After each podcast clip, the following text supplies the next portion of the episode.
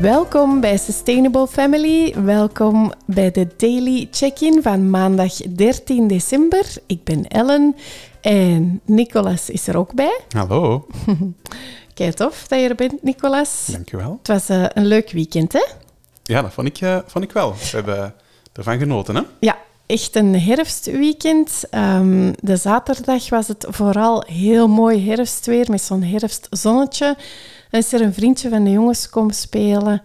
En uh, we zijn naar de speeltuin geweest en we hebben ook buiten gespeeld, want het was echt prachtig. En gewerkt in de tuin? Ja, ja, want er lagen heel veel bladjes. Um, en we dachten dat het wel eens tof was om daar iets over te vertellen, over de herfstbladeren. Wat doen wij er zoal allemaal mee, Nicolas? Ja, dat vonden we echt wel uh, een leuke om eens een daily check-in over op te nemen. Hè? Ja. Hm. Um, ja, het is zo... Wat, wat ons heel, heel hard opviel, is dat wij tot voor enkele jaren geleden, als de bladeren uh, vielen van de bomen, dat we die dan zo snel mogelijk eigenlijk weg wilden doen. Die moesten gewoon zo snel mogelijk onze tuin uit. Uh, we leggen die dan op straat. Of, of ja. soms dan, dan vroegen wij zelfs een aanhangwagen van iemand om die naar het containerpark, het recyclagepark te brengen. Ja, de gemeente komt die ook ophalen hier. Ja. Um, je hebt heel veel mensen die dan zo'n draadkorf zetten buiten um, aan, hun, aan hun oprit. En um, ja, dat, dat wordt dan afgevoerd. Hè. En wij dachten dat ook. Hè. Dat is zoals wij in veel dingen geëvolueerd zijn ook, maar dat hebben wij dus ook allemaal gedaan. Hè. Ja. Um, ja, en dat is eigenlijk... Um, ja, nu pas, na een aantal jaren, realiseren we ons hoe bizar dat dat idee eigenlijk is. Dat je bladeren die in je eigen tuin vallen, dat je die wegdoet. Terwijl ze eigenlijk echt super waardevol is. Ja, dat is heel kostbaar. Hè? Dat, dat, dat, dat kan superveel voordelen bieden hè, voor uw tuin. Ja, voilà. En uh, ja. dat, dat wou ik eens graag uitleggen hier.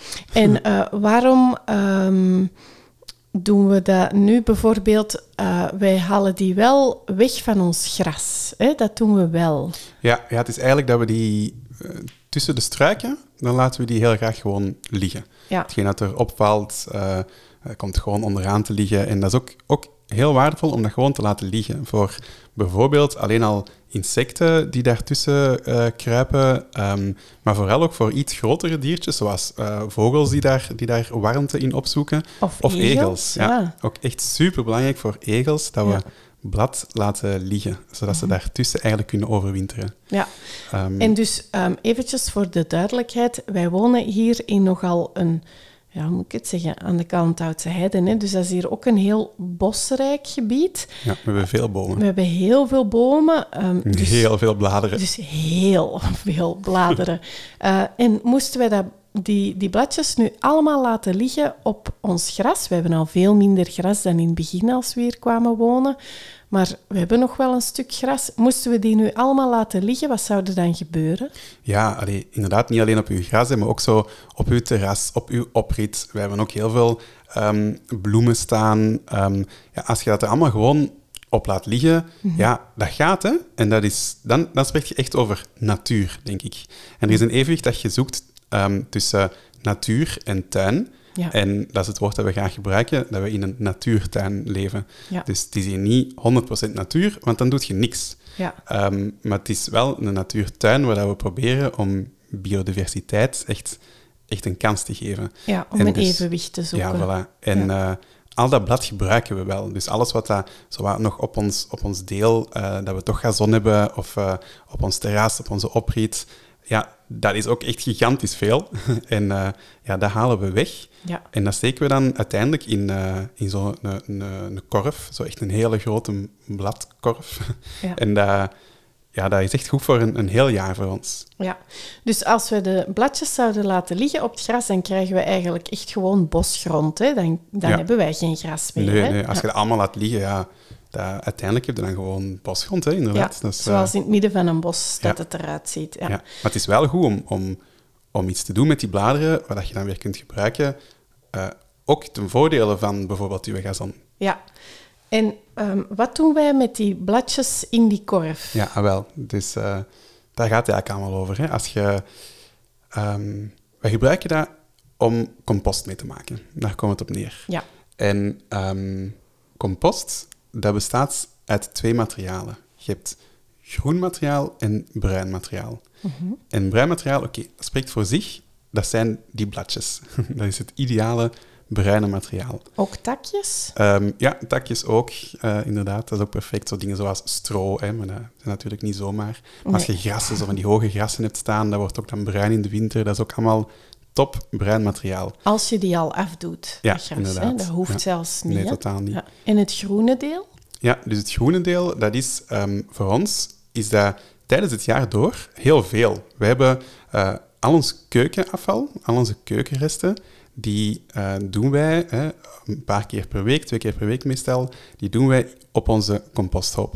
Maar als we alleen maar dat groen materiaal, zoals die keukenresten, als we dat erop zouden gooien, ja, dan zou dat echt dan zou dat geen goede compost zijn. Dan zou het een smurrie worden. Dat is, dat is niet goed, daar kun je niet mee werken. Je moet dat eigenlijk mengen met bruin materiaal.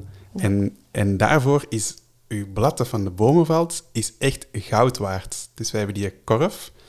Um, daar staan met onze jaarvoorraad aan blad in. Ja, dat is veel, hè? Ja, en elke keer als wij dan naar de composthoop wandelen met onze pot met compost van, van binnen in de keuken, ja, dan doen we dat ook gewoon uh, een, een, hoopje blad erbij. En dan mengt zich dat vanzelf. En zonder dat je er eigenlijk heel veel moeite voor hebt, heb je na een aantal maanden echt perfecte compost. Die je dan bijvoorbeeld ook nog eens op je gazon kunt gooien. Hè. Wij zijn nu zelf niet echt heel hard bezig met onze gazon die er perfect moet uitzien. We vinden dat net leuk dat die uh, mos en, en andere bloemetjes en, en zogezegd onkruid tussen staan. Maar sommige mensen die willen dat allemaal perfect houden.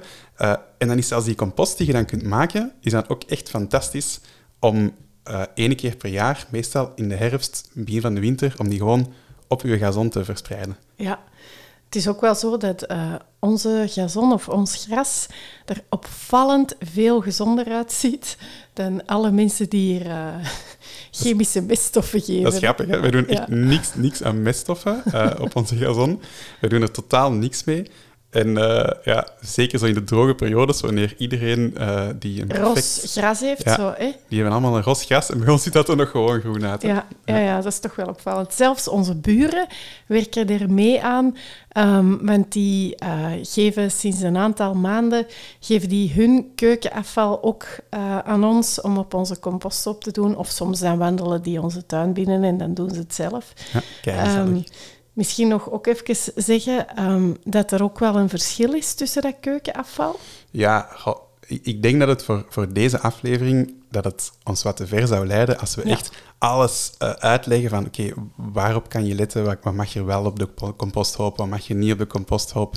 Er zijn zo nog wel wat, wat tips die we graag zouden willen geven, dus moest je daar ook interesse voor hebben, dan mag je ons dat zeker laten weten. Hè, voor de, degenen die luisteren via het Selfcare-platform. Die kunnen daar uh, in de reacties uh, laten weten wat, dat ze, van, uh, wat dat ze ervan vonden en wat, welke vragen ze, ze nog hebben. Hè? Ja. Maar het is inderdaad wel zo dat... Allee, die, wij, wij, vinden dat zelf iets, iets heel leuk. Ik, ja. ik, dat is ook een beetje voor mij zo um, als, als, als man, maar even goed als vrouw natuurlijk. Maar ik heb daar veel aan zo om mijn hoofd even, even leeg te maken. Ook zo dat wandelingetje naar de composthoop. Ja, het um, verplicht u ook om echt eventjes buiten te gaan. Hè? Ja, ja, dat is echt leuk. En, en, en ook zo een paar keer per jaar, dan, dan uh, woel ik die een, hoop ook om. Ja. Um, en dat is ook zo even goede handenarbeid. En dan is ook even uw hoofd helemaal leegmaken. Fysieke arbeid. Ja, ja, ik, ja. Uh, ik geniet er wel van. Dus, uh, maar ik ben benieuwd of de andere mensen ons echt gewoon totaal voor zot verklaren. Of dat ze er wel iets in zien. Laat dat maar weten. Of dat je ons totaal voor zot verklaart of niet. Voilà, ik denk dat uh, het mooi was voor vandaag. Uh, morgen uh, ben ik er weer met een nieuwe Daily Check-in. En hopelijk jij ook. Tot morgen. Dag.